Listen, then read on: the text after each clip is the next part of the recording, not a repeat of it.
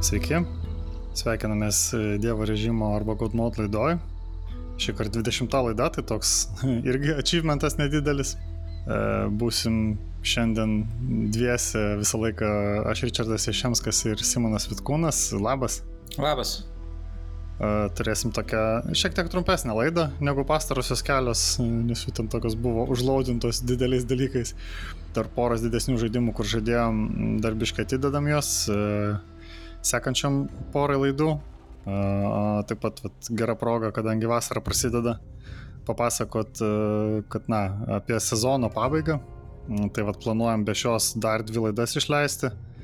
Ir paskutinė prieš jau atostogas, vadinkim, bus birželio 17 dieną vasarą, vasarą taip pat, na, papasakosim jau tojo paskutinio laidoj, iki tol paaiškės, kaip mes šią vasarą ką nuveiksim, turim kelias idėjas, kaip išlaikyti tą e, šiek tiek, na, to apie žaidimus informacijos ir kokiais formatais, dėl ko norim iki 17 dienos e, užbaigti, kad dar spėtume papasakoti apie 3, nes, na, toks e, po pernai metų pertraukos e, labai jau esminis renginys, e, tai bus toks daug informacijos, e, tikimės bus į priekį, nu, pakalbėsim apie tai, ko laukti ir kas pasirodys. O realiai tai jau ir prasideda. Pats, nu, nors iki 3 dar liko daugiau nei savaitę, 12 dieną, man atrodo, oficialiai prasideda, mhm. bet jau paleidinėja, žodžiu, traukiasi tos sunkiosius ginklus, jau yra keletas tokių naujienų, ne, didelių. Jo, turbūt čia tokie būtų anonsų anonsai, tie, tie didėjai leidėjai, kurie nori gauti daug dėmesio per E3, gauti daug akių į, į trailerius, jie na, pradeda tam tikrą informaciją paleidinėti, atskleidinėti, tam kad, tam, kad žmonės būtų susidomėję ir norėtų, norėtų jos dar daugiau pamatyti. Tai čia turbūt toksai pirmasis su, sunkusis ginklas e, šią savaitę buvo Far Cry 6, toks e, gana didelis video, kuris na, pristatė pagrindinius žaidimo e, veikėjus, žaidimo na, visą aplinką, na, šiek tiek jau pradėjo ir apie, apie žaidimo gal mechaniką ir, ir taip toliau. Na, tai turbūt bus šio, šio rudens vienas tų didesnių žaidimų, didesnių leidimų tokių, e, bent jau iš Ubisoft tai tikrai. Nežinau, iš to pirminio trailerio, tai aš ką galėčiau iš savo varpinės pakomentuoti, kad, na, buvo tikrai įdomu turėti turbūt pirmą protagonistą Far Cry žaidime su balsu, nes visą laiką, na, jisai buvo toksai uh, nebylys, kiek aš pamenu, uh, ir, ir pirma, pirma moteris protagonistė ir turbūt na, pirmas kažkoks veikėjas su, su kažkokiu istorija ir charakteriu ir, ir, ir bruožais, nes visą laiką Far Cry žaidimuose būdavo tokie pilki vaikinai atsiradę svečioje šalyje, iš kažkur iš vakarų atvažiavę visus gelbėti ir daugiau jokių bruožų be pistoleto savo neturintis. Tai, na, tokia galbūt iš naratyvinės pusės įdomesnė jų, jų kryptis, kas gal labiau, labiau, labiau į kitas e, jų franšizės lygiuojasi, kur, kur yra stiprus veikėjai.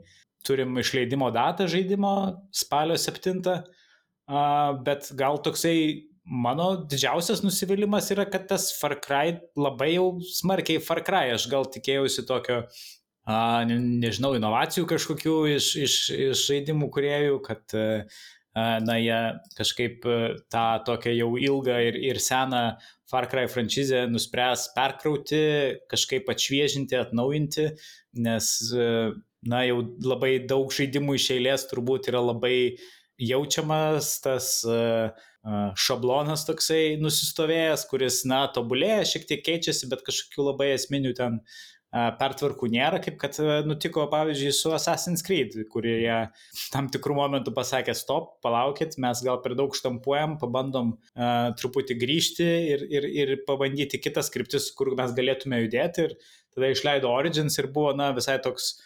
reikšmingas, sakyčiau, atsišviežinimas ir, ir ta žaidimų serija tokia naujų ir fanų sulaukė ir, ir, ir seniai e, tikrai ne, nesispjaudė. Na, bent jau tai su kuriais aš kalbėjau, tai, tai na, bent jau kol kas iš to pirminio trailerio panašu, kad uh, taip nenutiks, o kas ten iš tikrųjų bus tame žaidime, tai kaip ir sakei, turbūt pamatysim jau per E3 parodą. Gal, gal jie skaito kaip naujovę, būtent, kad pats tas pagrindinis herojus yra neįprastas. kad moteris, kad kalba. Ir, na, šiaip čia dar buvo, galima pridėti, kad uh, vienas, kaip čia rašo, narrative director, tai scenarius režisierius, uh, turbūt taip reikėtų versti, kad jisai nu, pasidalino žinutę tokią, kad, kad na, politizuotas bus žaidimas. Tarsi, kad ten mhm. veiksmas mhm. vyksta Jaga, kaip ten ta sala, ar Jada pavadinta. Jara. A, Jara, nu, bet, nu, esmė, kad nu, labiausiai į Kubą turbūt panašu. Taip, taip. Ir, žodžiu, na, daug ten tų temų apie, apie opresiją, apie diktatorius, apie kovą, įvairias žmonių teisės. Tai labai įdomu, kaip bus. Tai aš nežinau, tai turbūt šiaip visą laiką tie žaidimai būdavo su šitom temom ir, ir uh, ankstesni ir šitos serijos žaidimai ir, ir turbūt kiti Ubisoft žaidimai tai yra pilni tos politikos, tai tiesiog čia jų toksai gal pasikeitimas vidinis, kad jie, na, nusprendė kažkaip tai pripažinti patys viešai. Ai, atvirai ne, kalbėti apie tai. Atvirai sakyti, kad mes esame politiški, nes anksčiau ten su uh, visokiais division žaidimais ir panašiai buvo, nors jie yra labai politiški ir, ir, ir su geopolitika susiję ir, ir, ir taip toliau, bet uh, buvo kalbama, kad ne, ne, ne, mes čia tik tai pramoga, mes jokios politikos, prašom, mūsų čia nesėto. Nu, va, čia tokia kita kryptis pasirinkta, gal net ne tiek žaidimo, kiek komunikacijos, kaip kas čia per žaidimas yra. Nu, labai įdomu. Aš, aš penkto, penkto Far Cry'us praleidęs, tai gal iki tol spėsiu pasižaisti, nes, nu, tikrai šitas toks, nu, kabina tam tikrą prasme, jis toksai labai ryškus atrodo, ten ta muzika latino, tie ginklai, šuniukas galų gale, nu, žodžiu, yra įdomių dalykų, bet, bet jo, nu, žiūrėsim. Aš tikiuosi, kad jie dar kažką, nu, kažką dar paparodys per patį A3, nu, mm, jie turėjo pasilikti kažko tokio Manau, labai, ko nors revealing, galų gale paties uh, kaip to aktorius pavardė. Giancarlo Esposito. Jo, va šito nieko neparodė dar, tai labai įdomu. Toliau kalbant apie didelės studijas, tai čia turbūt ne, ne tos naujienos, kur per E3 kas nors norės kelbti, tai yra šiek tiek žinių apie CD Projekt Red, e, nežinau, sėkmę, nesėkmę. Tai čia buvo vėlgi finansiniai rezultatai, turbūt e, pirmo ketvirčio ar tai, ar tai pirmo pusmečio ir, na, bent jau kaip, kaip skelbė tie rezultatai, tai uh, pirmam ketvirčiui jie ne, neįvykdė tų savo planuotų finansinių planų uh, kaip studija. Na, čia turbūt gal labai kažką toli prognozuoti iš to, iš to neverta, bet, uh, na, turbūt matom pirmes, pirmus tokius realesnius kažkokius ženklus, kad na, visi tie įvykiai su e, Cyberpunk 77 kažkaip visgi atsiliepė kompanijai, nes, na, iš pradžių metų pradžioje tai atrodė, kad, kad jie ten pardavimų rekordus gerino, viskas yra e, labai iš komercinės pusės pas juos aukštumoje ir, ir visos tos problemos jos kažkur lyg ir praėjo taip ir nepalikusios pasiekmių, bet na, čia pirmas toks gal stipresnis ženklas. Ir kita naujiena irgi susijusi su CD Projekt Red buvo tai, kad e, kompanija vis dar laukia leidimo iš Sony gražinti Cyberpunk 77 į skaitmeninę Sony parduotuvę. Tai čia turbūt jau praėję beveik bus pusę metų greitai nuo to žaidimo išleidimo ir turbūt kokie penki mėnesiai ar šiek tiek mažiau iki uh, nuo e, to, kai žaidimas buvo išimtas iš Sony e, parduotuvės.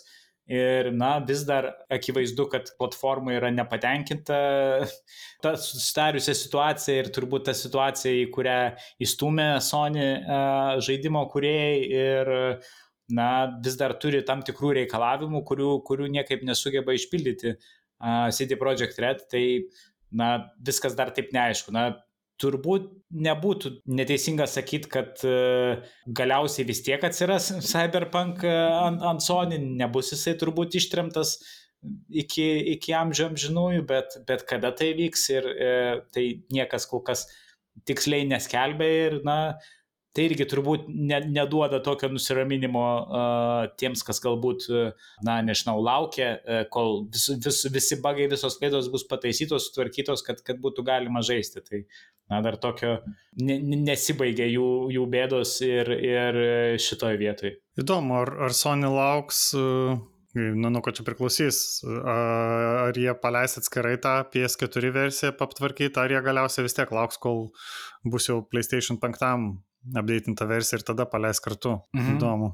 Jo, čia, čia geras pastebėjimas, galbūt čia ir kažkokie komerciniai yra norai, kad, kad laikytų trumpą pavadžio CD Projekt Red, kad jie paruoštų tinkamą versiją PlayStation 5, kad ne, nepasikartotų tą istoriją vėl po to su kitų leidimu. Čia tikėtina, kad kokį rudenį galim tik sulaukti. Dar šiek tiek tokių uh, geležies naujienų.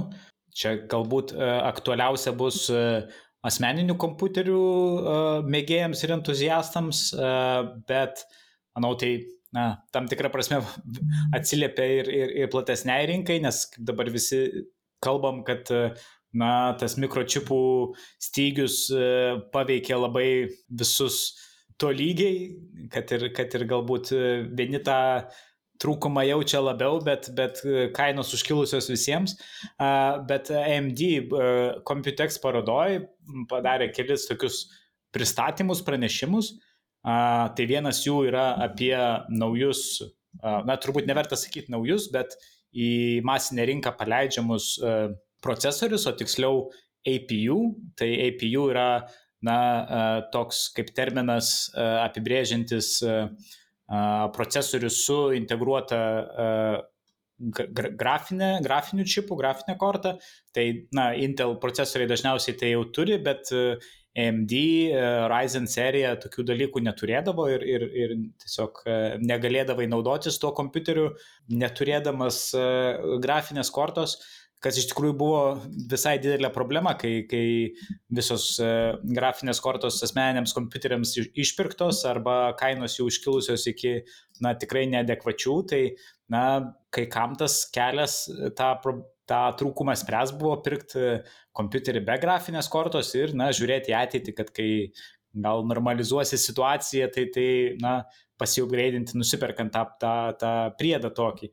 Bet mm, su, su MD to nebuvo galima padaryti, nes tiesiog nebuvo, nebuvo kaip, kaip monitorius, kad veiktų be grafinės kortos, tai, na, jie paleidžia savo tą Ryzen naują seriją APU į masinę prekybą, jos jau anksčiau buvo galima nusipirkti perkant kompiuterį jau sukomplektuotą iš anksto, bet dabar jau kiekvienas mėgėjas galės, galės jį pirkti atskirai ir, ir, ir komplektuotis. Tai na, čia geros žinios visiems turbūt tiem, kas, kas vat, buvo tokioje situacijoje, kai norisi pasigerinti savo, savo kompiuterį, bet tiesiog tos kainos yra tokios, kad, kad nepavyksta to padaryti, tai čia toksai geras turbūt kompromisinis biudžetinis variantas uh, tiem žmonėm, kas galbūt padės šiek tiek ir, ir kitiems žaidėjams, kurie laukia, laukia savo, uh, savo geležies, uh, uh, galbūt, galbūt ir tai padės išspręsti tam tikras pasiūlos problemas. O kitas, turbūt gal net svarbesnis pranešimas buvo apie AMD pristatytą technologiją kaip atsakymą į NVIDIA DLSS technologiją, kuri na, leidžia rodyti žaidimus aukštesnėje rezoliucijoje, negu jie yra renderinami žaidimų variklio ir, na, tada kaip ir padidinti tą paveikslėlį, bet ne, ne, ne, neprarasti detalių ir ne, negauti kažkokio išblūrinto vaizdo. Tai Nvidia naudojo tam DLSS, o AMD pristatė technologiją, kurią jie patys vadina FSR, tai čia Fidelity X Fidelity FX Super Resolution. Na, pavadinimas tai aišku yra be galo tragiškas, kaip ir bet, bet kokie turbūt e, geležies gamintojų bandymai brandinti dalykus, e, bet nu, esmė turbūt ne tame. Esmė, kad tai yra tokia technologija, kurią, na, kiek man teko domėtis, AMD kažką panašaus jau naudojo ir senesnės kartos konsolėse, bet dabar, na, ta technologija atveria visiems ir kas įdomu, atveria ją ne, netgi ne tik naudotojams turintiems AMD grafinės plokštės, bet taip pat ir tiems, kas turi Nvidia plokštės, ar, ar netgi tiems, kas net neturi grafinės plokštės, bet galbūt turi stiprų kompiuterio procesorių. Tai netgi buvo uh, visai įdomus momentas, kai to pristatymo metu jie demonstravo tą, tos technologijos versiją ant NVIDIOS GTX 1060 modelio, kur, kur, kur nėra tos DLSS technologijos ir, ir gavo pakankamai reikšmingą na, žaidimo kadrų per sekundę skaičiaus pagerėjimą, nes, nes galėjo jį na, renderinti žemesnė rezoliucija, o vėliau apskailinti, naudodami tą technologiją. Tai, na, aišku, čia labai didelis klausimas yra, kiek žaidimų kuriejų, variklių kuriejų ir, ir, ir panašiai, kiek tų visų suinteresuotų šalių tą technologiją prisims ir pradės taikyti. E, bet kol kas tai nu, skamba kaip daug atviresnis variantas negu tai, ką siūlo Nvidia. Ir dažniausiai tai būna, kad, kad kovoje tarp dviejų, dviejų varžovų e, kompiuter, kompiuterinėje erdvėje laimi tas, kuris būna atviresnis ir visiems labiau prieinamas. Tai, na, vis, visai, visai nemažai yra entuzijazmo, e, man rodos, šitam, šitam dalykui, žiūrint į ateitį, bet, na, aišku, čia per vieną dieną viskas nepasikeičia, neišsisprendžia, čia turbūt bus metų kelių procesas, kaip visi priims arba, arba galbūt ir nepriims šitos, šitos technologijos žiūrint į ateitį. Žiūriu, čia tikrai labai skaičius bent jau su tais procesoriais rodo įspūdingus. Čia reiktų, aišku, pasiskaityti, pasižiūrėti. Čia, žinai, kalbant, ne, neprikomentuosi labai tiksliai, bet kai kurių žaidimų net rodo, kad iki 2,5 karto geriau užintegruotus, nežinau, čia Intelio i7, čia aišku, reikia tikslius modelius lyginti. Mhm. Bet jo, rekomendacija pasiskaityti. Tiesiog, nu, spėjau, kad daug šaltinių yra apie tai rašo, bet čia toks, nu, tikrai labai didelis įvykis. Gal šiek tiek biškis sušvelnins, ypač jeigu jie tikrai pavyks kada čia rašo, rūpiučio, rūpiučio pradžioje startuoja. Taip, Jeigu jiems pavyks pradžioje. užsitikrinti gamybą pakankamai gerą, tai biškai gal atlaisvins tą visą įtampą dėl tų, e, ypač na, labiau į biudžetinę pusę dėl tų procesorių ir, ir, ir vaizdo plokščių, kad na, gali susirinkti kompą baziniam žaidimui su vat vieno AMD to procesoriumi ir viskas ir nesūt galvos. Tai, nu, fainai. Ir dar turiu porą parinkęs tokių trumpesnių naujienų. Uh, Viena iš jų turbūt gal net ir turėjo pasirodyti kokiu nors panašiu metu per trys parodą, bet taip netikėtai buvo išlindo iš internetą kaip ilai išmaišo, kad Uncharted 4 žaidimas e, toks, na, turbūt savų laikų toks vienas flagmanų, sakyčiau, Sony PlayStation, kad jisai Sony studijos planuoja jį išleisti uh, asmeniniams kompiuteriams. Uh, tai toks na, nežinau, galbūt reik, reikšmingas, reikšmingas momentas, kad na, tokia, tokia franšizė bus ne tik ant Sony PlayStation prieinama ir, ir, na, turbūt rodo į ateitį, kur, kur dar daugiau Sony žaidimų ant dar įvairesnių platformų galėsime pabandyti. O e, kitas toks nepatvirtintas gandas, bet jau iš esmės kaip ir patvirtintas, nes labai daug šaltinių jį praneša, yra tai, kad e, na, e, Nintendo lyg ir uh, ruošiasi uh, anonsuoti savo įpėdinį arba kaip pavadinti uh, atnaujintą Nintendo Switch versiją dar iki prasidedant uh, E3 parodai. Tai čia, na, artimiausias turbūt savaitę kokią, tam, kad visi žaidimų kuriejai, kurie kūrė žaidimus skirtus jau šitai galingesniai Switch versijai, kad jie galėtų juos pristatyti platesnei auditorijai ir, ir na, jau būtų visiems aišku, kas tas yra uh, Nintendo Switch Pro, Nintendo Switch Plus, ar net neaišku, kaip jisai čia tiksliai uh, turės vadintis. Bet, na, tai čia turbūt laukia toks svarbus anonsas iš Nintendo, tai tikrai tiem, kas galbūt uh, planuoja pirkti ar, ar Nintendo Switch artimiausių metų, tai, tai reiktų palaukti, paklausyti ir, ir galbūt uh, galbūt verta susilaikyti ir, ir palaukti šitos naujesnės, galingesnės jo versijos. Aha, labai įdomu, kaip jinai, ar tikrai spės šiemet, nes kaip ir rašo, kad rūdienį bandys paleisti, tai vėl žinant ta, tas problemas su tiekimu, klausimas. Kitas klausimas irgi labai įdomus, kaip bus su kaina. Taip. Ar jie įtaikys į tą tarpą tarp savo dabartinės kainos, dabartinio modelio ir tarp tų Xbox ir PlayStation. Taip, jo, čia turbūt klausimas, ar, ar tai bus e, vienas prie vieno pakaitalas, kaip ir senasis switchas dings ir už tą pačią kainą atsiras e, šitas naujasis, ar tai bus kažkokia plus versija, kuri bus, na, šiek tiek brangesnė, bet, bet turės kažką papildomą savį. Labai įdomu. Nu, manau, kad jau kitą savaitę gal net kažką daugiau žinosime. Taip, manau, galėsim ir, ir, ir, ir pasišnekėti apie tai. Uh, ir, na, galui tai tokia naujiena turbūt tiems, kas domisi žaidimų kūrimu ir, ir žaidimų kūrėjams bendrai. Tai šią savaitę išėjo Unreal Engine 5, na, tai tokia preview, šankstinė versija. Bet ją jau galima laisvai visiems atsisiųsti ir, ir išsibandyti ir na, sužinoti, kas, kas kaip ir kodėl ten veikia. Toks gal pranešimas nėra tiek svarbus, reikšmingas, kiek pati versija, na, tokia atrodo, kaip kuo toliau, to toks reikšmingas žingsnis bendrai žaidimų technologijoje, nes E, nežinau, kiek, kiek yra e, klausytojų, kurie atsimena, bet pernai, pernai metais, gegužės mėnesį buvo išleistas, na, toksai traileris šito Unreal Engine 5, toks filmukas, būktai menamo kažkokio žaidimo, susuktas, kuris naudoja, naudoja tą Unreal Engine uh, 5, visas tas technologijas ir, na, jų pagrindinis toksai kaip ir pardavimo punktas tos, tos, to variklio yra labai didelis kiekis geometrijos vienu metu ekrane, ar ne? Tam demo, tam, tam video prieš, prieš metus maždaug rodė uh, veikėją pagrindinį, kuri, na, braunasi per kažkokį kanjoną, pro tarpeklius, kur labai daug visokių netaisyklingų formų akmenų ir a, kamera iš paskos ją visai sekioja. A, ir, ir, ir na, matosi visa ta labai turtinga ir labai detali geometrija. Na, tai dabar tą patį galima pasibandyti pas save ant, ant savo uh, kompiuterio su, su Unreal Engine 5, kaip tai iš tikrųjų veikia ir kaip įmanoma sutalpinti ten uh, šitiek daug objektų vienam žaidimo laukia ir, ir vis tiek turėti kažkokį geriau ar prašiau veikiantį, veikiantį dalyką.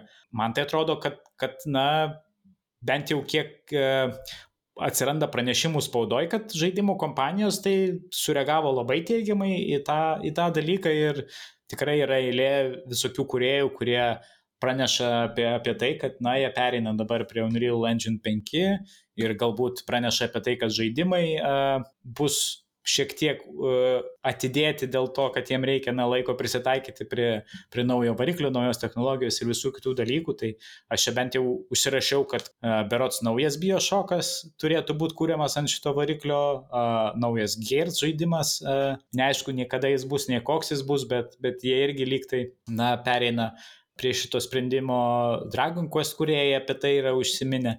Na ir turbūt daug daugiau, apie kurių, apie kuriuos aš e, negirdėjau arba, arba dar, dar jie patys nepaskelbė, bet na toksai bent jau tarptų didžiųjų studijų, AAA studijų, tai čia toks manau, reikšmingas poslinkis ir, ir tikrai turėtų būti e, sėkminga ta versija tiek Epicui, tiek, tiek Unreal Engine. Na ir šiaip rekomendacija, kas nu, galvojate apie žaidimų kūrimą ar norit pasidomėti, tai tikrai turbūt dabar gera proga tiesiog vat, pasimti e, ir išsibandyti, pasižiūrėti ant tą demo. Nes Lietuva irgi pradeda po truputį atsirasti studijų, kurios dirba su Unreal.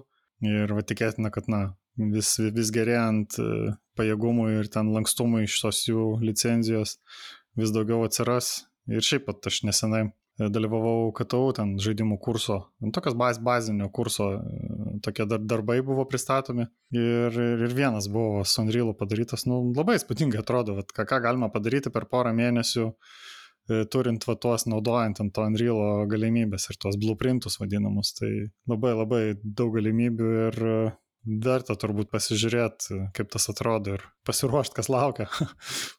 o toliau lietuviškų naujienų šiaip yra nemažai visai šį kartą palyginus. E, kažkaip čia matyti irgi gal į pavasario pabaigą prieš, prieš vasarą prasidedant pasirodė ne viena iš jų. Tai greit perbėgsiu. E, kas nustebino, kad e, Nordcurrent paskelbė apie dar vieną PC žaidimą, kurį ruošiasi išleisti nes čia prieš, prieš porą savaičių ar prieš tris savaitės e, jie buvo anonsavę antrą, o, o dabar trečias žaidimas, tai jisai vadinasi Decision Red Days ir bus toks kaip veiksmo RPG su zombiais.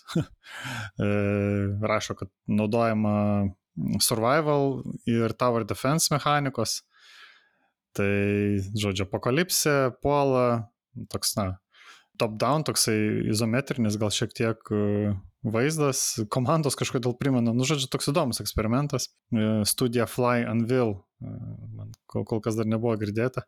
Yra jau Steam įdėtas puslapis, tai pasidalinsim, galima išlistinti sekt. E, rašo, kad išleidimas bus kitais metais. Tai toks, na, įdomus, toks labai labai kitoks žaidimas negu, negu na, kol kas ankstesni, tas vienas išleistas ir vienas anonsuotas. Tai žiūrėsim, e, kaip čia jums seksis, kada čia bus galima apie jį daugiau sužinoti. Tada garsusis e, mūsų didysis super mūsų, aš sakau, na, lietuviškas didysis super hitas e, Human Fall Flat sulaukia naujienų. Tai jisai pasirodė Next Gen konsolėse, tai yra PlayStation 5 ir Xbox X ir S, ir kartu jie paleido ir naują lygį, kuris yra nemokamas Forest, žodžiu, miške viskas vyksta. Tai, aišku, apie Human Fall Flat čia nėra ką daug pasakot, tai tikėtina, kad busit susidūrę kažkur tai, nes jau žaidimui pakankamai daug metų jau esam ne kartą kalbėję. Tikimės dar anks, kažkada pakalbėsim ir su kuriejais. Tai kol kas jo, kol kas tai tik tavo tokia naujiena, kad galima pasižiūrėti ir pasieškoti, jeigu, ypatingai jeigu turit naujos kartos konsolės, kaip veikia geriausias, ne, ne geriausias, sakykime, daugiausiai parduotas konsolinis ir PC žaidimas. Tada dar viena tokia naujiena, e, neįprasta kol kas Lietuvai, bet e, tikė, tikėtina, kad sulauksim daugiau tokių, tai studijas Nikibox, jie fokusuojasi ne tiek į savo žaidimus, kažkiek išleidžia ir savo, bet jie daugiausia na, dirba su užsienio studijom, bendradarbiauja ir padeda jiem išleisti žaidimus ir perkelti kitas platformas. Ir kažkaip seniau jie taip vis negalėdavo oficialiai apie tai kalbėti, O, o dabar vat, buvo pirmas žaidimas, kurį na, sutarė, kad e, jau galima viešinti šitą informaciją, tai jie perkelė žaidimą pavadinimu Beautiful Desolation, kuris buvo seniau išleistas ant PC, o dabar išleistas ant e, Switch'o ir PlayStation 4. Tai čia toks, e, kaip suprantu, distopinis nuotikių žaidimas, bet jis toks, na, labai, ta distopija tokia įdomi, tokia ryški, spalvinga, kaip, kaip suprantu, ir jis toks, na, kaip, kaip vientisas uh, visas pasaulis yra tarsi kaip vientisas piešinys ir, ir po, jį, po jį vaikštai ir, žodžiu, vyksta ta istorija. Tada yra Estoti, e, su kuriais jau esam kalbėję ir nekartą jos minėję, išleido naują e, iš savo tų hypercasual vadinamų žaidimų. E, įdomus toks variantas, jie su, sumiksavo tą vadinamą Match 3, na, kur, žodžiu, stumdymą, stumdymą tų maisto, šį kartą pasirinko maistą ir, žodžiu, stumdant tą maistą, gauni taškus ir už tos taškus e, herojus tavo eina ir mušasi su visais. Tai toks, na, įkveptas, įkveptas jų Johnny Trigger stilistikos, 3D e, žaidimas. Ir, žodžiu, tas veikėjas toks irgi minimalistinis. Ir tu ten, žodžiu, stumdai tas kaladėlės, e, už tai gauni galios ir muši visus sutiktus. Tai toks, na, humoristinis. Visai, visai taip linksmai pasižaidė, aš ten nedaug su juo pažaidžiau, bet visai gražiai jis toks gavosi. Tai irgi verta pasi, pasibandyti, jeigu tokius mėgsta trumpam prisėst. Tai čia yra ant e, iOS ir ant Android. Ir tada dar vienas nedidelis žaidimukas uh, itch.io platformoje, kur mes irgi nelabai, nelabai gal dažnai reikėtų šiaip atidžiau kažkaip pasigilinti apie ją ir pradėti ten susisiekti bent jau lietuvių, kas yra iš kuriejų, nes visai jų yra, vis atsiranda. Patogu pavieniam žmonėm tenai į, į, įmesti savo žaidimus, nes, na, kaip suprantu, tai nieko nekainuoja ir tokia, na, pirminė gauti dėmesio tiem žaidimam. Kažkada, vat, net ir vat, grįžtant tas pats um, Human Fall Flat kuriejas, jisai būtent nuo ICHIO pradėjo. Pirmiausia, pasirodė žaidimas toj platformai. Dabar yra žaidimukas pavadinimu Ship It Out, tai toks 3D puzzle e, žaidimas apie konvejerius, na, kon, kon, konvejerių tos diržus vadinamus. Ir, žodžiu, ten reikia trūksta visokių jam dalių ir, ir žaidėjo užduotis yra ten tokį vyruką valdant, e, tampyti tas dalis ir sustatyti į teisingas vietas, kad spėtų, kad spėtų pravažiuoti dėžės. Tai galima žaisti tiesiai browseryje, į čia jo, galima parsisiųsti, e, kaip ir na viskas nemokamai, aišku, galima paremti kuriejus, tai jo, rekomendacija tiesiog yra apie pačią platformą, jeigu dar neteko girdėti, pasižiūrėti, pa, pa prisiregistruoti nes ten tokių fainų visai dalykų kartais atsiranda ir, ir, ir sakau, yra ne vienas lietuvių kuriejas, kuris ten bando leisti žaidimus. Tai va, tai man atrodo tiek šiandien iš naujienų, jeigu nieko nepamiršau. Smagu, kad tų lietuviškų vis atsiranda, atsiranda. Tai irgi čia va, kitose laidose papasakosim, kaip mes toliau su jom darysim. O kol kas tada tiek ir padarom mini pertraukėlę ir tada grįšim su Simu pakalbėti apie žaidimus. prie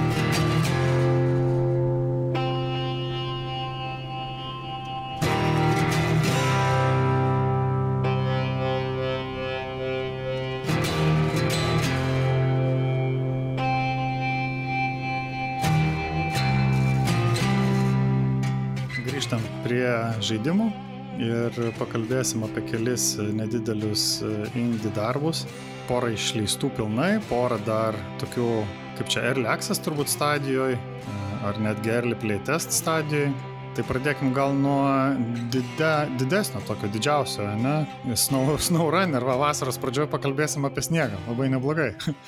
Jo, čia iš tikrųjų toks jau senesnis žaidimas, išėjęs prieš turbūt kokius metus laiko uh, ant Epic Game Store, bet na taip jau kartais nutinka, kad tie žaidimai ant, ant Epic Game Store jie nebūna taip plačiai pastebimi ir galbūt apie juos nebūna tiek daug kalbama kaip apie žaidimus Steam ar, ar, ar žaidimus išėjusius per kelias platformas, tai uh, visai visai neseniai uh, na, baigėsi tas, tas jo laikas, kiek jisai turėjo būti exclusive uh, Epic Game Store ir, ir uh, jisai pasirodė Steam e ir taip pat jis yra m, prieinamas visiems, kas turi Xbox Game Pass uh, for PC prenumeratą. Kažkaip pagalvojau, kad gal visai geras metas apie jį pakalbėti, nes aš pats visai jo toks gerbėjas ir mėgėjas esu. Tai žaidimas yra apie sunkvežimius ir labai sunkiai pravažiuojamus kelius. Ir tave kaip vargšą vairuotoją, kuris tais e, keliais pirmin atgal gabena visokius sunkius krovinius, tampo įklimpusius e, kitus vis, e, sunkvežimius ir panašias užduotis vykdo, na, važinėdamas po tokius atokius regionus tiek, tiek Amerikoje, tiek Rusijoje, na bent jau taip, taip žaidimas skelbėsi, kad, kad na, tos vietovės pagal tai modeliuotos. Tai, nežinau, iš, iš pradžių tai turbūt neskamba labai uh, seksy ir neskamba kaip kažkoks uh, viliojanti tema žaidimui. Tai aš su tuo turbūt pasiginčyti negalėčiau, bet uh, man, man atrodo žaidimas labai įdomus yra dėl kitų priežasčių, nes jis užima, na bent jau man, žaidžiant, žaidžiant SnowRunnerį, jisai sukuria tokią labai traukiančią, nedidelio, bet labai visada arti esančio pavojaus atmosferą. Tai kai važiuoji tuo purvinu, dumblėtų arba ten snieguotų keliu, kur ten kartais pasitaiko balos, kartais pelkėtos vietos, kartais kažkokią nuokalnę įkalnę su savo tuo sunkvežimiuku, kuris ten gal dar nelabai užapgraidintas ir, ir sunkiai puškuoja, veža ten kokias tonas betono, kokiu nors ten konstrukcijų ir panašius dalykus. Tai žaidimas niekad nėra labai kažkoks ten uh, sunkus ar daug reikalaujantis uh, uh, kažkokių įgūdžių, tiek ties mašinos valdymo, tiek kažkokio kelio pasirinkimo ar, ar visa, visa tai yra gana gana įkandama ir, ir, ir tikrai nėra, na, yra, yra galbūt vietos, kur gali įgūsti kažkokius, išmokti triukus geresnius ar, ar panašius dalykus, bet, na, jisai tikrai yra labai prieinamas. Bet tuo pačiu metu žaidime visą laiką yra tas dėmesio poreikis, kuris susidaro dėl to, kad be, dažniausiai viskas bus gerai, dažniausiai visur vis, visada pravažiuosi ir, ir, ir surasi būdą ir net jeigu atrodo, kad viskas blogai, dažniausiai nebūna viskas taip blogai ir, ir gali ten išsitemti save su visokiais, visokiom kitom priemonėm, netgi, netgi kai jau ratai tiesiog pradeda suktis vietoj. Bet uh, žaidimas išlaiko tą galimybę, kad, na, gali atsitikti blogai, gali sunkvežimis apvirsti, gali jisai užstrikti tokiu kampu, kad net, net ratai žemės nebeliečia kaip nors ir, ir iš viso jau ten uh, prasta situacija, gali apvirsti taip, kad variklis nebeužsikūrė, nes tu aukštinkojom, aukštinkojom stovi ir, ir, ir degalai netoj vietoj subėgė, uh, gali nepastebėjęs kažkur labai toli nuvažiuoti giliai į, į, į kokią pelkę, kur nebėra jokio medžio, už kurio ten uh, prisiriši ir pasitempsi. Tai nežinau, yra kaip, kaip palyginimų yra tie mm, sunkvežimių simulatoriai, ar ne, tas Euro Truck Simulator 2, American Truck Simulator, kur irgi atrodo, na, gana nuobodus darbas, monotoniškas darbas, bet atsiranda tikrai didelė dalis gerbėjų, kurie, na, ta, ta fantazija, ta monotonija yra, na, turbūt tai, dėl ko jie žaidžia tuos žaidimus ir, ir, ir, ir nežinau, tai turbūt būdas atsipalaiduoti, bent jau aš taip spėčiau. Jeigu, jeigu atšokot nuo tokių žaidimų, bet vis dar ta fantazija yra, tai man atrodo labai logiškas sekantis žingsnis, antras laiptelis šitoj va tokioj darbo žmonių žaidimų piramidėje yra SnowRunner, nes jisai neleidžia tau visiškai e, paskest kažkur ir tik tai vairuoti greit, greit keliu uh, savo tą mašiną ir, ir, ir viską daryti labai automatizuotai, o na, jisai reikalauja iš tavęs galbūt ne 50 procentų tavo, tavo dėmesio, bet kokius 25 jisai tikrai užima, kad tu na, visą laiką kažkaip turi sekti na, tą situaciją aplinkui save, kas toliau, kas prieki, uh, išlaikyti tam, tam tikrą koncentraciją, visiškai neužmygti. Tai, nežinau, dažnai žmonės kalba apie tos žaidimus, ar ne, kur, kur gali žaisti ir klausyti podcastą fone kažkokį, kur gali tuos dalykus du puikiai suderinti ir, ir, ir žaidime nieko nepraleisi. Ir, ir, ir podcastą bus įdomiau klausyti, nes, nes kažką dar papildomai veiki.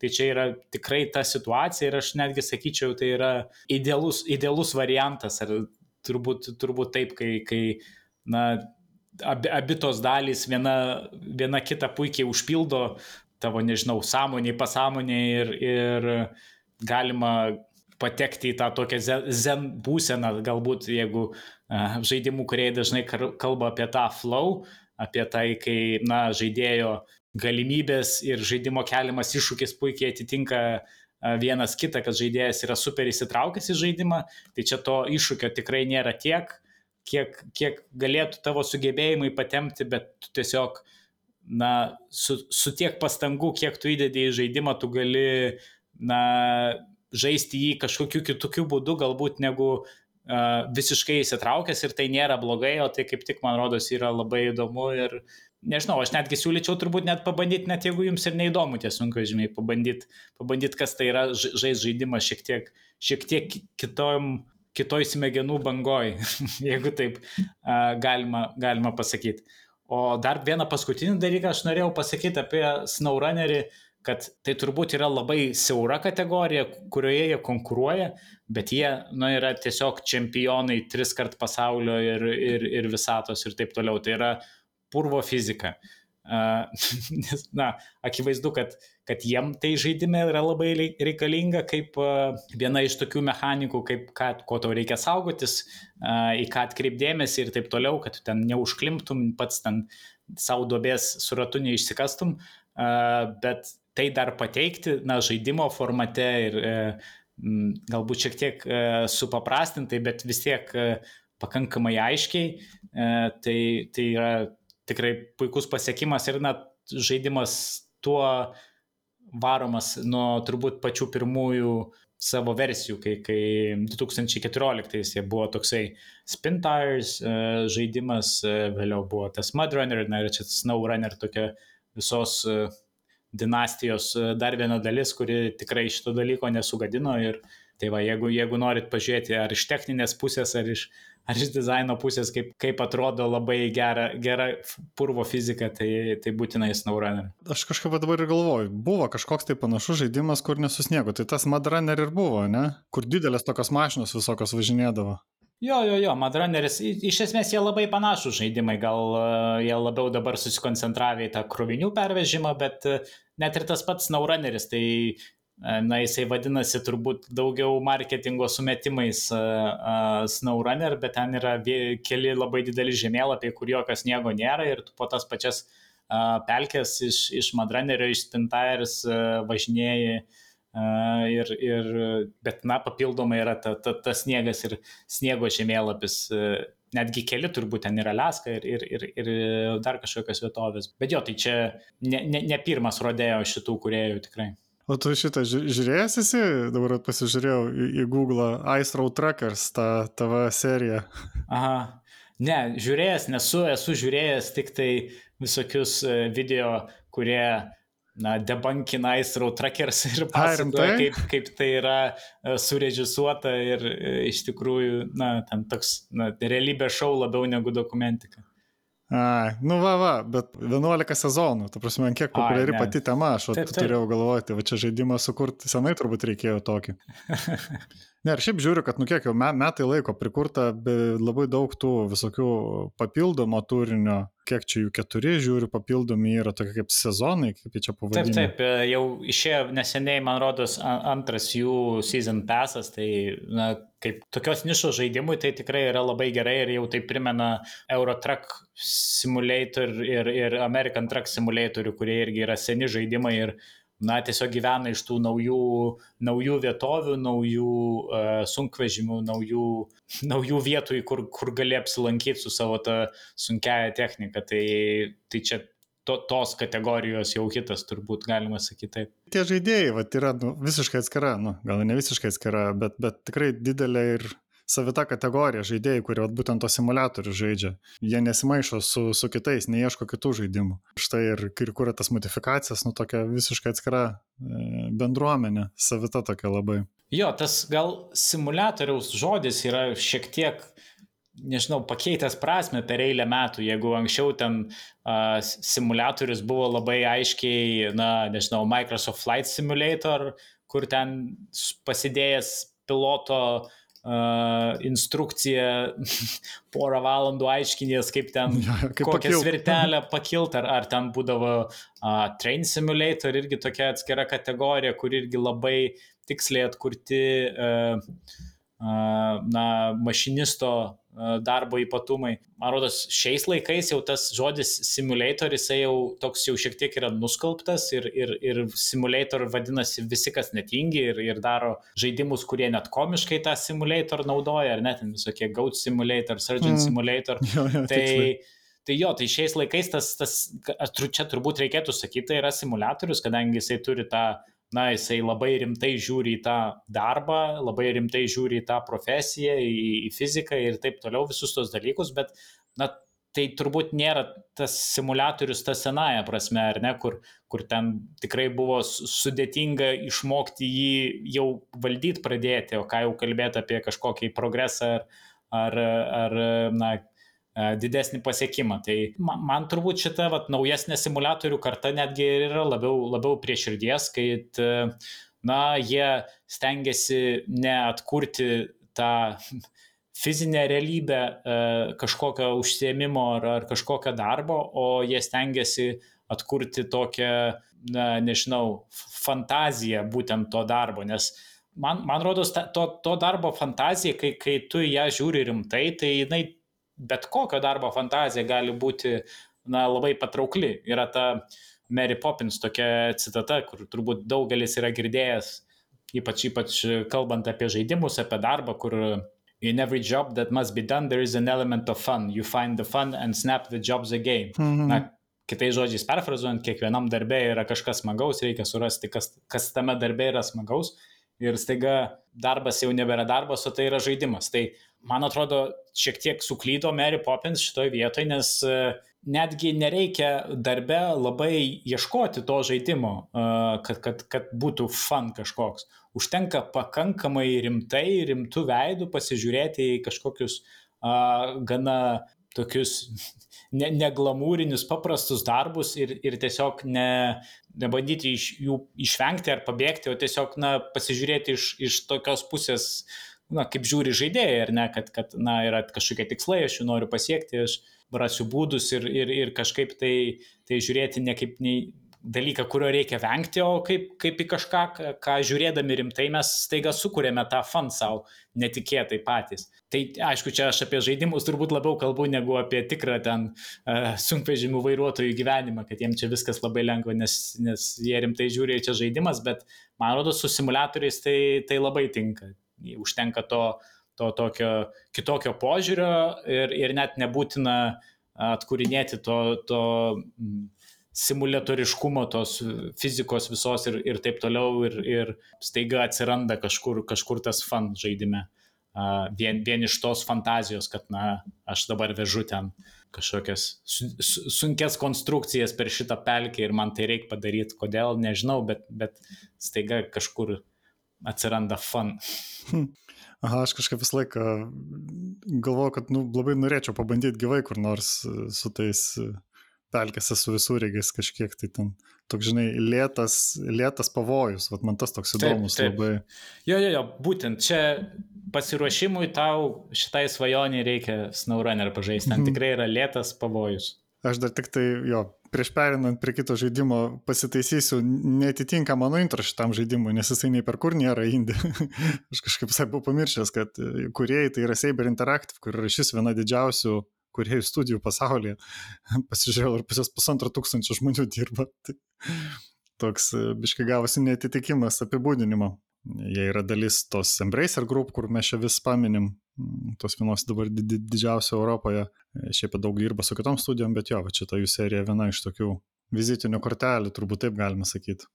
O, o perinant jau prie tikrų indie žaidimų, tai aš vieną pažaidžiau, kuris savotiškai gal ir panašus į, į, į praeitos savaitės papetūrą. Tai jisai vadinasi Backwards. Ir aš apie jį sužinojau, nes jisai išėjo ant Switch'o visai nesenai Nintendo Switch'o e, ir gavau pasibandyti, o prieš tai jisai buvo, rašo, vasario 20 išėjęs e, ant PC, bet nu, labai labai negavo dėmesio, nes tarkim, nu, ten Steam'e labai nedaug apžvalgų. Jisai sukurtas dviejų žmonių, kurie yra šiaip, na, visai veteranai, ten po daug metų dirbė ir prie didelių įvairių žaidimų dirbė. Ir kas dar keista, kad jie vos net ten 10 metų įkūrė, nes uh, užsidėję yra tuos, na, kur būna finalistai, nominantai, visokių ten renginių ir apdovanojimų, tai 2012 jie pradėjo įrodyti. Ir, na, kadangi vis, viskas kurta iš savęs, dviese ir naudojant visiškai savo technologiją, tai už tai jiems tiek ilgai užtruko. O, o pati idėja žaidimo, kuo jinai labai įdomi, kad, na, šiaip tai yra toks kaip puzzleris, platformeris, bet jame tarsi yra sudėti du pasauliai vienas ant kito, du sluoksniai. Ir tu keliauji ten su tokiu katiniuku, dviem odegom kažkodėl tai. Ir galvosokį sprendi, na, jis sako pieždamas, bet man, man kažkaip atvirkščiai lengviau įsivaizduoti. Man lengviau įsivaizduoti, kad tu trini e, vieną pasaulio sluoksnį ir tada atsiveria juodai baltas, e, sakykime, na, apatinis pasaulio sluoksnis, kuris yra kitoks ir E, būtent kitaip viskas išdėstyta, kitokie, kitokie yra platforminiai elementai, kuriuos naudodamas jau tada sprendi tos galvosokius. Tai vienus dalykus ištrini, nu, ištrini tada vėl vėl gražini atgal tą pirmą pasaulį, ten ką nors pastumi, kur nors užlipi, kažką išnaudoji. Labai šiaip gražiai vizualiai atrodo, e, nes na, labai toks atrodo tarsi ranka pieštas, labai toksai mielas jisai, bet sudėtingas, reikia nusteikti, kad jisai pakankamai sudėtingas yra. Aš pats nespėjau labai daug pažaisti, nes biškai užvėlavo čia tie kodai. Bet, nu, tikrai reikia pasukti galvą, jau gal kas, kas žaidė esat daugiau tų platformerių ir tų, vat, puzzle, tų tokių. Nu, čia labiau kaip puzzle žaidimas, nes, nes ant to tokio kažkokio šokinėjimo, tai kur reikėtų, na, fi, fi, nu, kaip čia, fizinės to agility, tai to nelabai yra. Čia toks grinai yra sukti galvą ir kaip va, tos, tos, tos sluoksnius, trinti ir užpiešti, sakykime, iš naujo. E, labai šiaip smagus pats tas jausmas, ypatingai ant switcho, nes nu, tu su, su tiesiog su, su pirštu ten, su vienu pirštu trinėjau, su, su dviem pirštais, e, arba ten valdydamas, valdydamas ten paspaudęs mygtuką, užpeši vėl ant viršaus tą spalvotą pasaulį. Bus turbūt įprasta tiem žmonėm, kurie su Photoshopu gal yra dirbę, nes ir šitą netgi tą trintuką, nu, ar tą, tą zoną, kurią tu trini, gali valdyti, jos dydį keisti, didinti, mažinti, tikslumą reguliuotis Tai to tokio duoda, kaip būna vat, su Photoshop failais, kai dirbi su keliais sluoksniais ir ten vieną, vieną ant kito dėlioji ir trini ir pieši. Tai toks vat, kažkoks man panašus jausmas. Įdomus jo, dar įdomus jo dalykas, kad jame kaip ir nėra atskirų lygių. Tiesiog slenkasi ekranas ir, ir tas žemėlapis po truputį pildosi.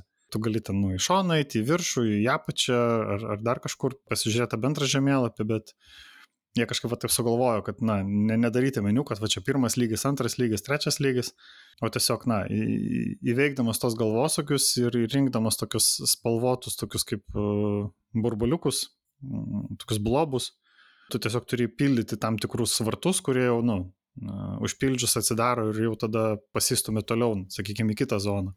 Yra keli tematiniai pasauliai skirtingų tematikų, bet šiaip jo tokia, vis, nu, viskas labai taip gražiai, mm, ranka, ranka supaišyta, sudėliota, toks, nu, labai jisai mielas ir, ir na, iš dalies sunkus, tai va aš pats ten, nu, tenka pasukti galvą kai kuriuose vietose ir tikrai, nu, iš, iš pirmo karto ir, ir ten nelabai akivaizdus sprendimai, o paskui, vat, jo, paskui dar, dar, dar įsijungia papildomas mechanikos, ten, tarkim, vienam pasaulyje e, ištrynus tą viršutinį sluoksnį apsiverčia gravitacija, gali ten šonais vaikščioti ir ant lubų, e, tai žodžiu, daug tokių, daug tokių dar elementų prisideda. Tikrai, čia prigalvoju per tos devynis metus.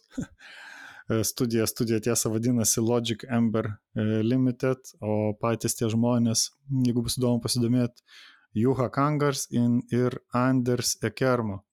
Tai yra turbūt skandinavai, nes dirbė prie Darkness, e, Chronicles of Riddick, Syndicate, netgi StarCraft antrą rašo. Tai, na, tikrai tokie įdomesni matyti, reiks pasidomėti plačiau apie juos, pasižiūrėti gal kokių yra pranešimų darę. Hmm, man tai pagal estetiką labai primena um, Snipper Clips, uh, Nintendo tą tokį dviejų žaidėjų Uh, irgi puzzle žaidimą. Aha. Tokia irgi viskas, li, lyg tai būtų čia prieš tave ant popieriaus, na čia tokia kaip, kaip akvarelės dažai visi išplaukia.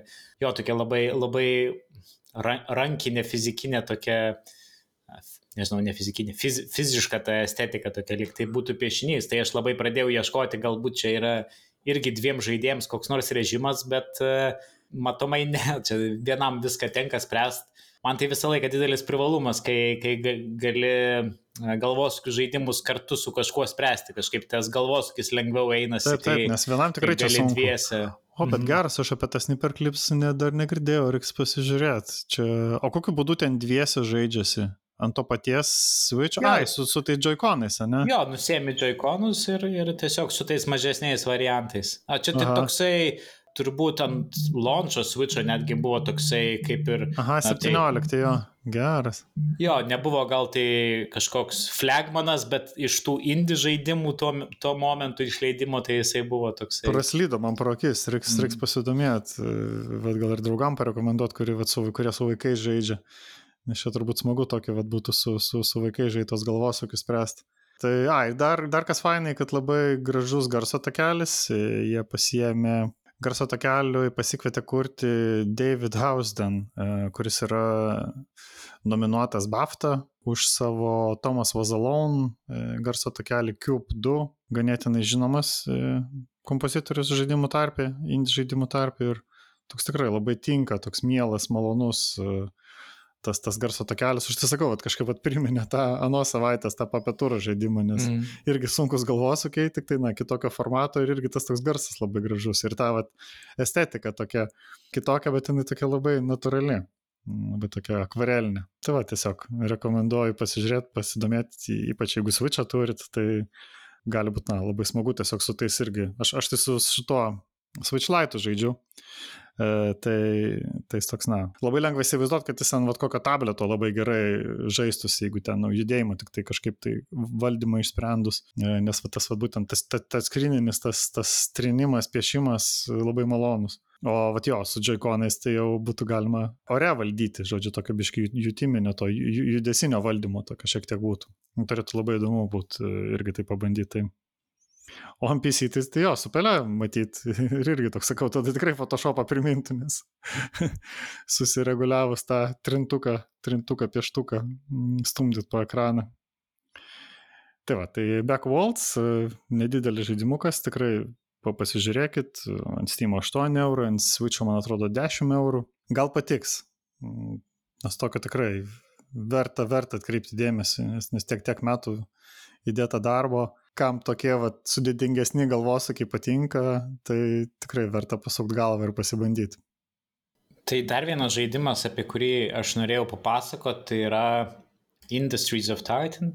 Žaidimas irgi išėjęs ant Epic Game Store, irgi prieš kokius turbūt metus.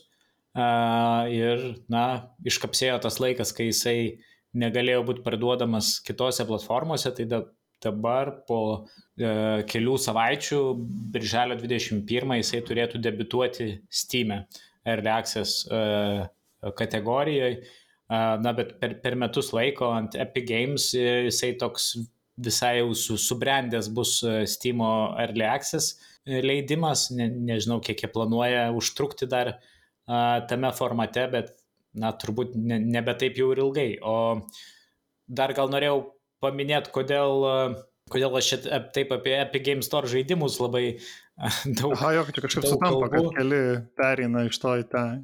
jo, kažkaip jie šiaip turi tokius išpardavimų žaidimų, kurie bent jau mano nuomonė yra vienas turbūt geriausių nuolaidų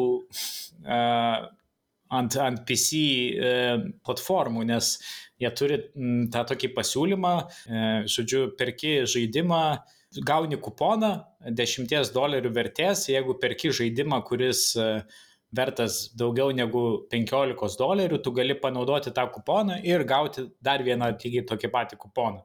Tai iš esmės visi žaidimai, kurie yra 15 dolerių ir daugiau, staiga atpinga 10 dolerių. Tai yra ta turbūt tokia kategorija indie žaidimų tarp, tarp 20-30 dolerių, kurie pasidaro dar nuolaidą to išpardavimo progą, nusimeta savo kainą iki ten kokių 17-18 E, ir dar, na, Epikas duoda tau tą 10 dolerių nuolaidą, tai tiem, kas mėgsta indie žaidimus visokius pabandyti, tai čia turbūt pigiausias būdas gauti visą eilę, eilę indie žaidimų savo, na, būtent per tuos išpardavimus. Tai ja, tikrai gera sistema. Jeigu dar klausot uh, naujai šitą, šitą laidą, tai iki birželio 17 berotas tas išpardavimas, tai rekomenduoju bent jau akį užmes pasižiūrėti, gal, gal kažkas sudomins, nes, nes, sakau, tikrai gaunasi stebėtinai maža kaina, ypač palyginus su, nežinau, naujausiais Steam išpardavimais, kokios ten dabar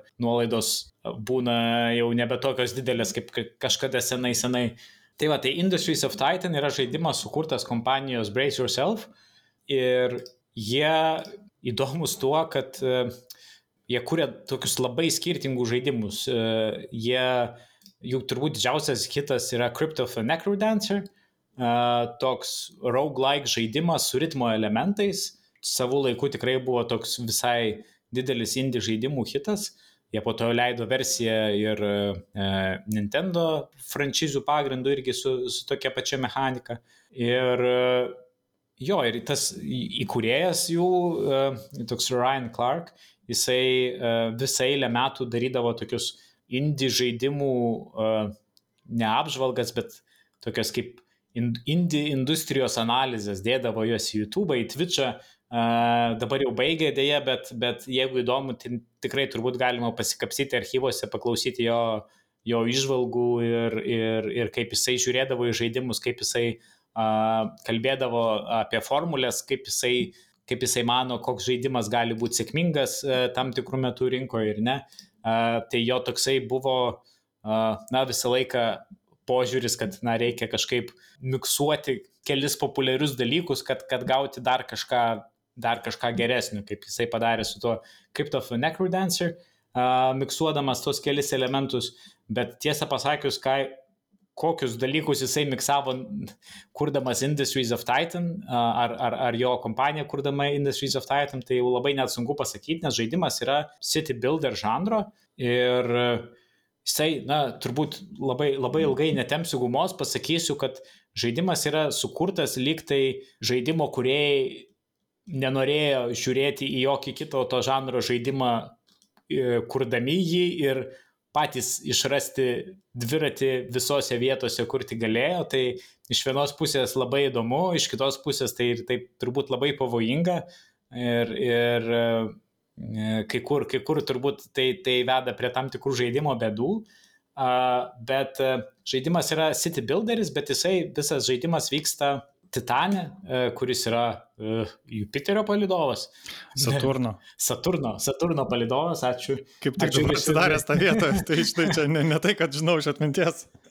jo, tai, tai jisai vyksta to, to, tame palidove ir, na, ten tokia kaip ir uh, tiesiog komercinė operacija, ten kasti kažkokius resursus iš to, iš to palidovo, aišku, reikalingi tam darbuotojai, kad, kad būtų darbuotojai, reikia jais ten kažkaip juos aprūpinti ir, ir apsaugoti ir taip toliau. Tai žaidimo istorija kaip ir tokia, bet pati, pati situacija tai yra, na, ir, ir sakykime, požiūris į, į pasaulį ir į tą pačią, pačią sistemą, kurią tu statai kaip žaidėjas, yra be galo nikus. E, žaidimas, na, lyg ir turi tokią pusiau komišką gaidelę, ten pojokauja kai kurie veikėjai ar, ar, ar panašiai, bet, bet šiaip tai savo tą kompaniją pradedi statyti kažkokiose griuvėsiuose buvusio miesto, kur tau sako, ai, tiesiog nekreip dėmesio, čia kažkas anksčiau bandė irgi tokią koloniją daryti, jiem čia nepavyko, čia dabar viskas sugriuvę, apleista, baisu ir, na, mes ten galim resursų pasimti tose griuvėsiuose ir, ir tiek tau reikia žinoti.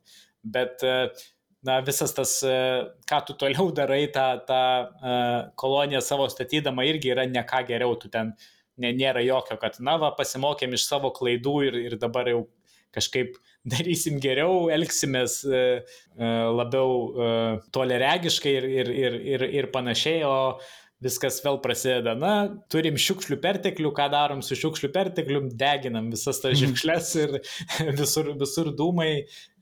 Ir arba ten, pavyzdžiui, ten tie gyventojai, tie kolonistai, kurie tau tos visus darbus daro, irgi nėra jokių, kaip, na, galbūt įprasta city builderiuose turėti ten kažkokį džiaugsmas, ar kažkokie jų poreikiai, tau reikia jų poreikius patenkinti. Ne, jiems yra tik tai blogi dalykai. Yra uh, užterštumas koks nors, yra ten, kad jie ne, neturi deguonies ar, ar dar ko nors, žodžiu, jiems gali tik tai blogi trūkumai atsitikti, jokių į poreikius jų jokius dėmesių nekreipiam. Tokia distopija distopijoje turbūt. Uh, viena distopija sugriuvo ir dabar mes ant viršaus ką statom, ai, tą pačią distopiją, visiškai tokia, tokia niūrė. Nieko gero nepadarysim, ne? Nieko gero, nepa, net nebandom, ta prasme, tiesiog darom, kad daugiausiai pinigų uždirbtume ir, ir, ir tiek. Tai toksai labai nikus žaidimas, bet iš mechaninės pusės, tai jisai, kaip, kaip minėjau, jisai yra toksai sluoksnis po sluoksnio, jisai kiekvienoje vietoje bando sugalvoti naujas sistemas ir vis nustebinti kažkaip žaidėją, na, bent jau kai pradedi žaisti, tai tikrai yra toksai, na, aišku, ir sunku, nes, nes reikia įsi, įs, įvažiuoti į tą visą mechaniką, bet nuolatos būni nustebęs, kad ne, ne, ne taip kaip kituose žaidimuose ir čia ne, ne analogiškai. Tai žaidimo laukas, kaip ir na, tas miestas, kurį tu po, po biškį lipdai, kolonija gal teisingiau, jinai sudaryta iš tam tikrų pastatų, kuriuos tu nastatai ant, ant tokio kvadratinės lentelės, kas galbūt yra viskas matyta, bet tvistas viso to yra, kad tu į kiekvieną iš tų pastatų gali įeiti ir tas pastatas turi savo vidinę kažkokį išplanavimą ir tu jame statai ten kažkokius aparatus, kurie ten, nežinau, gamins kūrą, gamins elektrą, leis tavo tiem dar, miestiečiams miegoti, ar, ar, ar kažką darys su resursais, ar galiausiai bus ten šiukšliadėžės tiesiog užstatysi, visas gali savo gamyklą ten tai, tom šiukšliadėžėm užstatyti. Ir iš esmės visas žaidimas tuose vat, kambariuose, tuose, na, gamyklose, jos vadinasi žaidime factories, uh, iš, jų, iš jų ir susideda. Tai uh, tų išplanavimų gali turėti skirtingus, gali juos duplikuoti vėliau, jeigu radai kažkokį labai efektyvų, efektyvų būdą ten išdėstyti viską, ką, ką tu nori. Gali statyti naujus aukštus tuose savo pastatuose ir tada na, tvarkytis jau nebe vienam, vienoj lenteliai išdėstymė, o per kelis aukštus, kur ten vienas aukštas gal, galbūt gali kitą aprūpinti kažkuo ir taip toliau. Tai va, vis tuo pat metu viskas yra simuliuojama gana uh, tiksliai, ne, ne kaip uh, kai kuriuose um, city builder žaidimuose, kur yra tiesiog pastatai pastatai ir yra kažkoks įtakos laukas, Ne, ten yra kiekvieną resursą rankomis paima, darbuotojas nuneša į dėžę, padeda, ta dėžė užsipildo kažkoks kiekis vietos, e, kur jau nieko kito nepadėsi. Ir, ir na, visa, visa ta tokia logistinė grandinė yra, na, tokia labai tiksli ir tu taip pat ją gali visai optimizuoti, statyti kelius, mašinas jiem pirkti, kad jie ten greičiau nuo iš taško A į tašką B važinėtųsi ir taip toliau. Bet šitoj vietoj nesustoja žaidimo kuriejai. Žaidimo kuriejai sako, kas dar būna gero kosminiuose žaidimuose. A, mhm. kosminiai laivai. Tai yra visa, visa atskira posistemė laivų statymo, kur tu kiekvieną laivą irgi gali išplanuoti kaip tą savo gamyklą, kurioje vietoje bus koksai, nežinau, ar tai variklis, ar tai ten koks skydas kažkoks mokslinis, fantastinis, ar, ar ten kažkoks lazeris, kurioje vietoje bus, kur ten baterija, kur ten elektrą generuoji. Viską, aišku, turi apgalvoti, kad tavo tie darbuotojai tame laive galėtų prabėgti iš taško A į tašką B, kad visas vietas, kurias reikia, galėtų pasiekti. Ir uh, tada, kai, kai tas laivas jau kaip ir pasiruošęs, uh, tu gali jį na, valdyti kaip kažkokį unitą, sakykime, strateginiam žaidimui, su juos kristi, aišku, pas tave atskrenda vadinamieji sukilėliai, kuriem turbūt nelabai prie širdies tavo distopija, distopija ir jie, jie kažkokią anarchiją nori sėti, tai Tai su jais tu ten šaudaiesi ir visa ta simulacija vyksta m, turbūt pagal analogiją su, sakykime, Faster Than Light, kur irgi yra na, laivas, jis turi kažkokias sistemas, kažkokios uh, įrangą tam laive, kuri gali sugesti ir tada kažkoks laivo, na, nežinau, funkcija nebeveikia, jeigu ten pataiko tau į lazerį, tu nebegali šaudyti, pataiko tau į uh, deguonės generatorių, tai tavo ten gali uždusti visi tie uh, drąsūs uh, keliauninkai tam laive, tai šita sistema irgi įdėta į žaidimą. E, bet, bet e, taip pat daugybė yra visokių tokių vietų, kur, na, pavyzdžiui, yra resursų sistema, ar ne?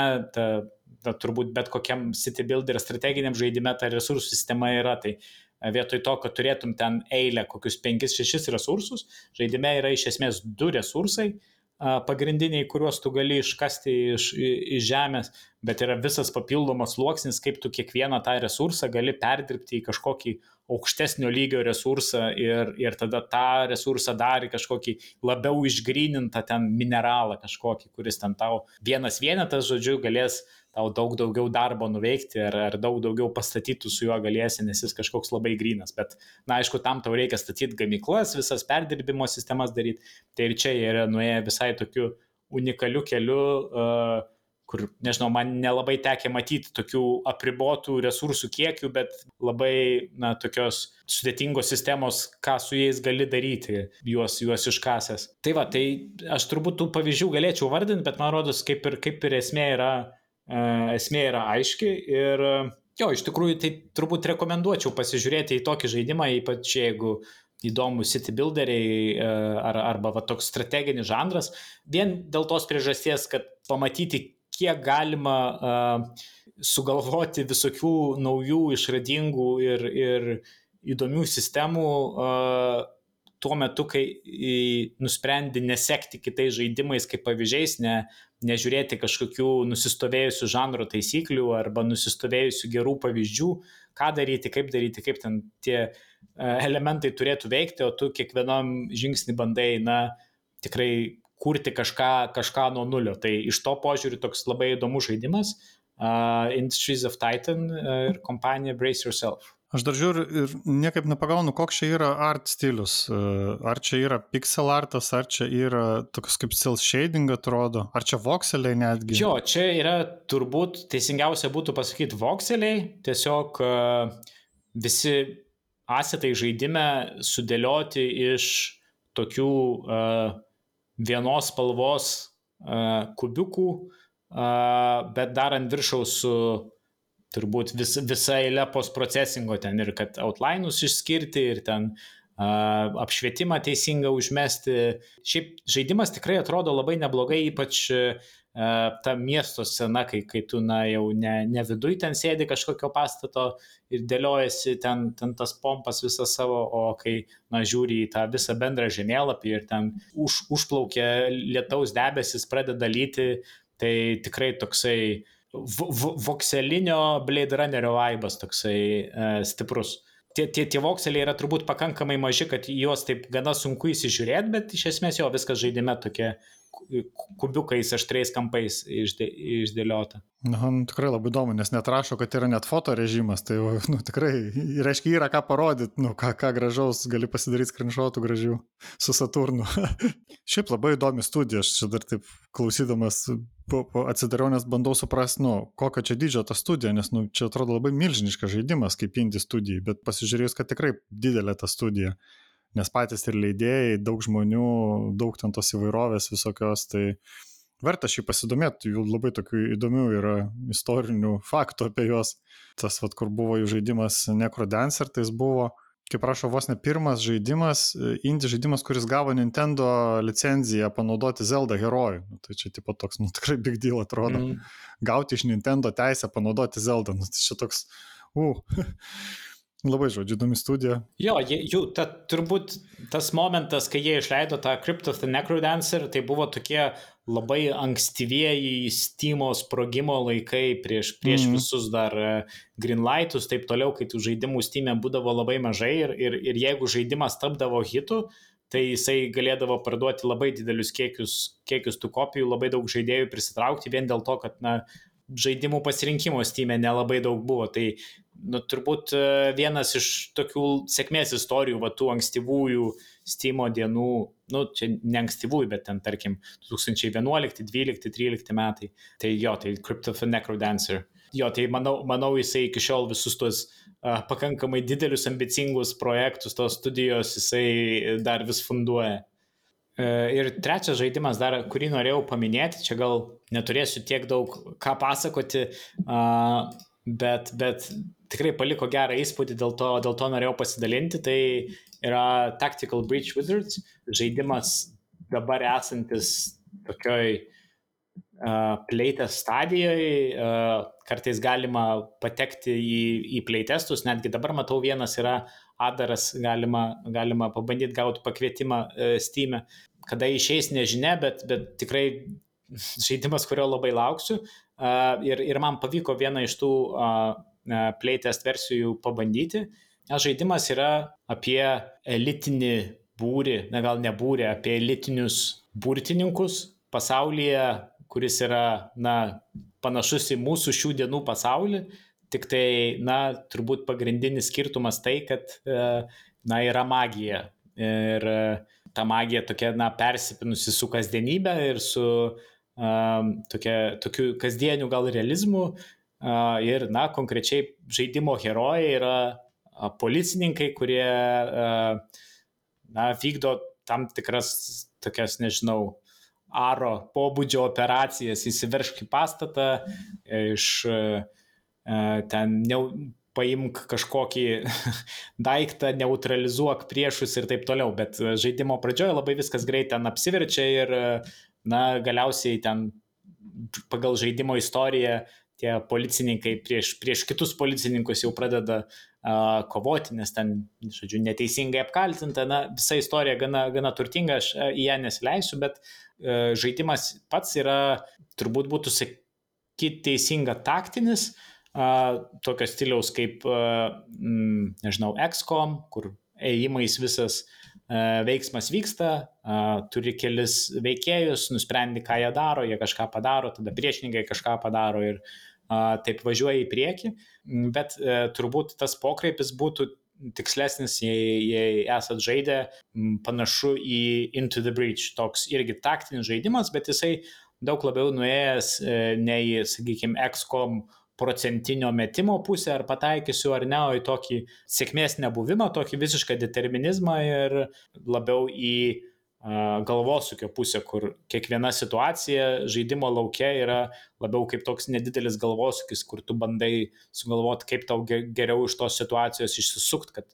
kokiu eiliškumu tie veikėjai tavo turėtų eiti, ar šaut, arba naudoti ant savo ypatingas savybės tam, kad na, praeitume įimą gal žalos negavęs ar kažkokią kitą užduotį tam uh, savo uh, uh, įsivykdęs. Tai tas pats, na, gameplayus nėra, uh, nėra labai kažkoks inovatyvus, bet jis tikrai yra įdomus ir kaip galvosūkis jis, man atrodo, yra visai sėkmingas, bet kas labiausiai mane tam žaidime papirko, tai, na, tas pasaulis ir tai, kaip jisai yra parašytas. Tai uh, žaidimo kūrėjas, uh, pagrindinis autorius yra Tom Francis, jisai prieš eilę metų buvo PC Gamer, e, vienas iš, iš žurnalistų ir gal redaktorius vienu metu. Ir jisai kažkurio momentu savo tos karjeros nusprendė, kad jis nori kurti žaidimus ir jisai sukūrė irgi žaidimą, kuris turbūt yra panašaus laiko kaip uh, uh, Crypt of a Necrodancer, apie kurį mes kalbėjom, jis irgi išėjo ant Steam, jisai vadinosi Gunpoint. Uh, jis irgi buvo labai, labai sėkmingas, labai pasisekęs ir na, nuo to laiko jisai Tom Francis kūrė žaidimus jau, jau kaip ir full time ir, na, matosi labai, kad jis to savo rašymo talento nėra pametęs. Tai žaidimo dialogai yra parašyti labai smagiai, jie labai lengvai skaitosi, jie yra pilni pokštų, tarpusavio e, pokalbiuose tarp, tarp tų veikėjų ir, ir tai, kaip, kaip pasaulis yra konstruojamas, koks jisai yra keistas su, su ta, ta magija esančia, esančia pasaulyje.